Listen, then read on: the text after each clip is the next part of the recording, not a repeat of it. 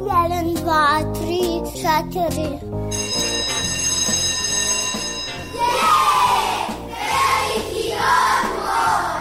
Emisija o obrazovanju i vaspitanju. E, Kad neka vaspitačica kaže da je veliki odmor, onda nešto radite. Jedeš, treniraš, skačeš, julješ se, eto, i tako. Vi slušate veliki odmor. Veliki odmor.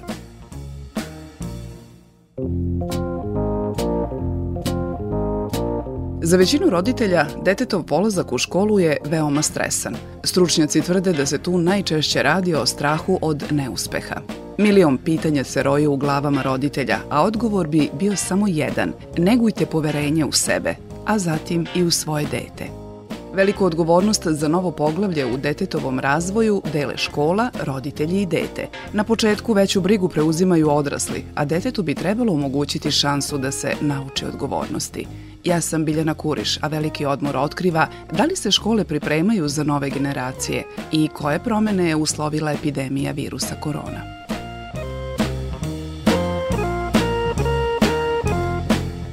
Mnogi veliki prosvetitelji, učitelji, pedagozi kažu da nas škola ne uči samo računu, lepom pisanju, geografiji ili istoriji. Pedagog u osnovnoj školi Pete Fišandur u Novom Sadu, Elvira Stefanović, voli da kaže da je to mesto takozvana mala imitacija života. Ona napominje da su uslovi u kojima danas živimo izmenjeni i zato školske sredine moraju da odslikavaju trenutno stanje. A to je da je obrazovanje važno. I otuda je briga roditelja veća nego u ranim vremenima, tvrdi Stefanovićeva. Isto tako, važno je i da dete nauči da razgovara sa vršnjacima, poštuje vrednosti, preuzima odgovornosti za svoje postupke. Za osam godina sigurno će nastati manji ili veći problem. Posvađat će se dete sa nekim vršnjakom. Desit će se da zaboravi domaći. Desit će se neke situacije koje su, kako kažem, potencijalno problem i izazovne ali će se isto tako i prevazići.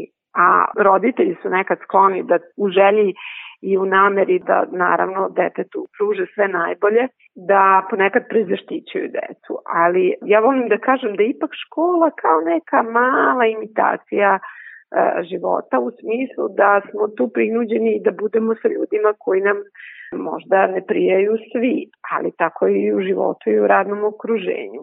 Da izvršavamo i obaveze i zadatke koji nam možda nisu baš super zanimljivi, ali i svako od nas se s tim susreće svaki dan u životu da i obavlja i obaveze i zaduženja koja mu nisu baš i najinteresantnija i, i koja ne bi birao na prvu loptu. Tako da je škola na neki način jedna prilika da se sve te situacije vežbaju, da se žive i da se uči u svakom smislu. Ne samo u smislu škola jednako učenje, pa tu mislim i na slova i na račun i na svet oko nas, nego i učenje ponašanju u socijalnim situacijama, učenje kako se odnosimo prema frustraciji, kako se odnosimo prema autoritetima, kako gradimo neke odnose, Sve se to uči u školi.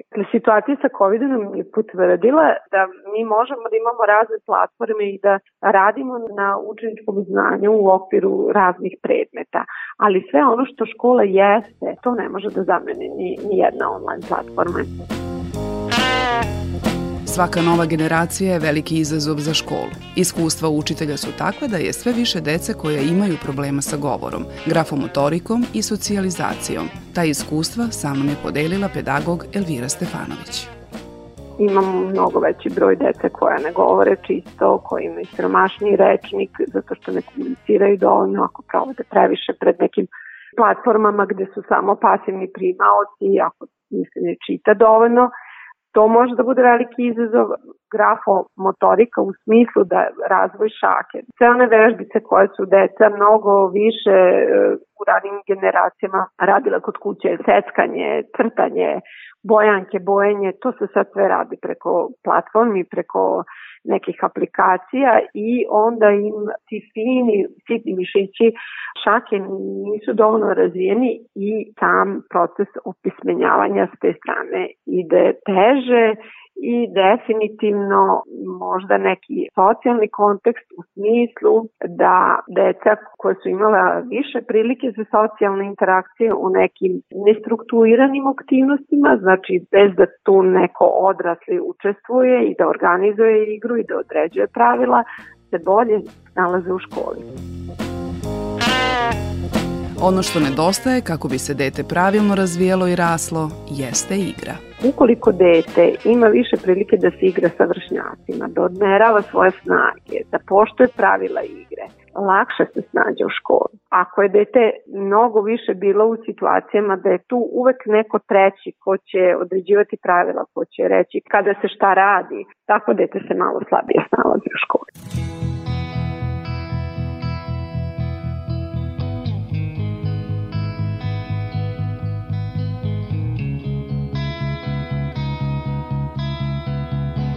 Slušate Veliki odmor.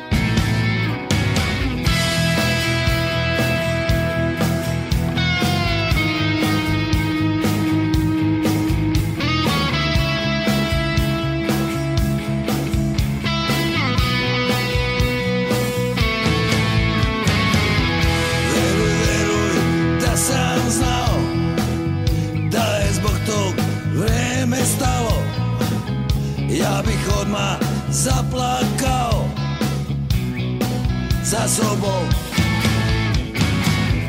Veruj, veruj da sam znao da je zbog tog vreme stalo. Ja bih odmah zaplakao za sobom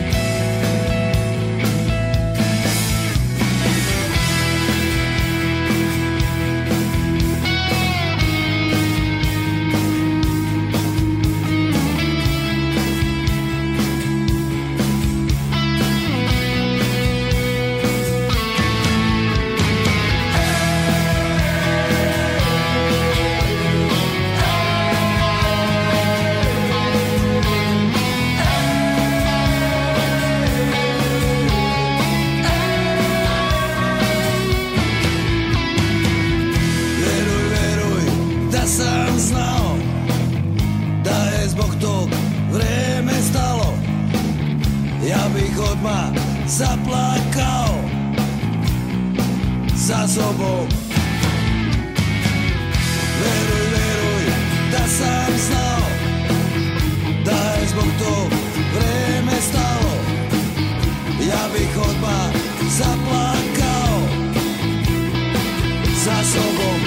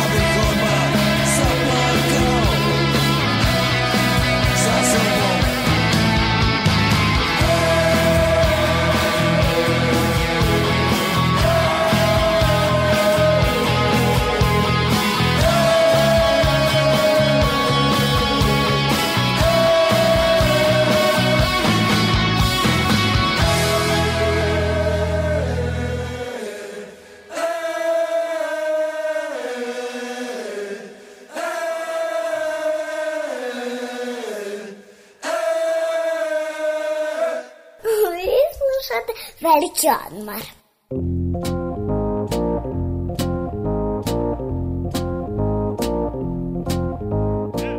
Nijedno dete nije takozvana tabula raza, tvrdi pedagog Elvira Stefanović.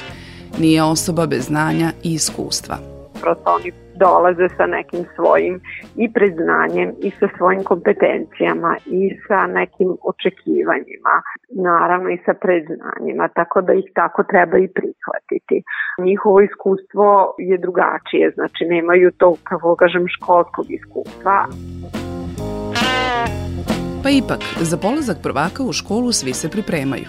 I vaspitači koji ispraćaju, učitelji koji prvake dočekuju, roditelji sa svojom strepnjom i brigom i dete koje je veoma uzbuđeno.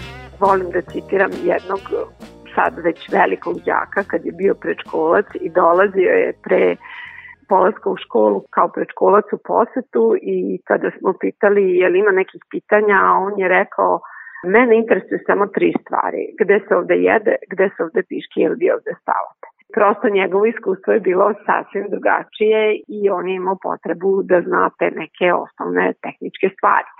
S druge strane, koliko god mi pričamo o pripremi dece za školu, definitivno je potrebna i priprema škole za dete u smislu.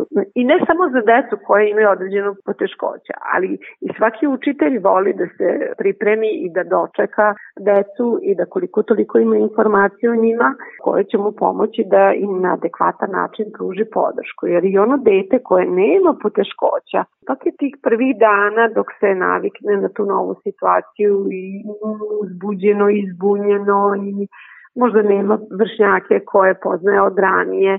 Svakom detetu koje dolazi u školu je potrebna neka vrsta podrške i važno je da se škola za to pripremi. Najveće pripreme ipak imaju roditelji, kaže pedagog Elvira Stefanović često roditelji imaju taj strah kako će se dete snaći, da li će se snaći u vršnjačkoj grupi, da li će se snaći sa tim akademskim veštinama koje su negde potrebne za školsko učenje i s te strane potrebna i priprema roditelja da se oni i umire i da se, kako kažem, da budu dobro sa tom promenom da bi deci bilo dobro. Ako roditelj prihvati taj polazak u školu kao jednu normalnu, prirodnu pojavu koja će u početku možda neće sve ići glatko i fantastično i možda će biti i nekih potoškoća i organizacionih i možda će detetu trebati pomoć oko, ne možda, sigurno će detetu trebati pomoć oko, oko a, milion malih stvari, da je to nešto sasvim normalno i da je to u redu i da će se to prevazići. Znači, svima koji se nalaze u, u procesu, to je jedna izazovna situacija i u svakom slučaju uzbudljena. Mi volimo veliki odmor. Slušali ste Veliki odmor, radio Novog Sada. Bila je ovo emisija Veliki odmor. Možete je slušati svake druge subote na talasima Radio Novog Sada i odloženo na sajtu rtv.rs. Naredne subote u isto vreme slušajte Kuću domaćinsku.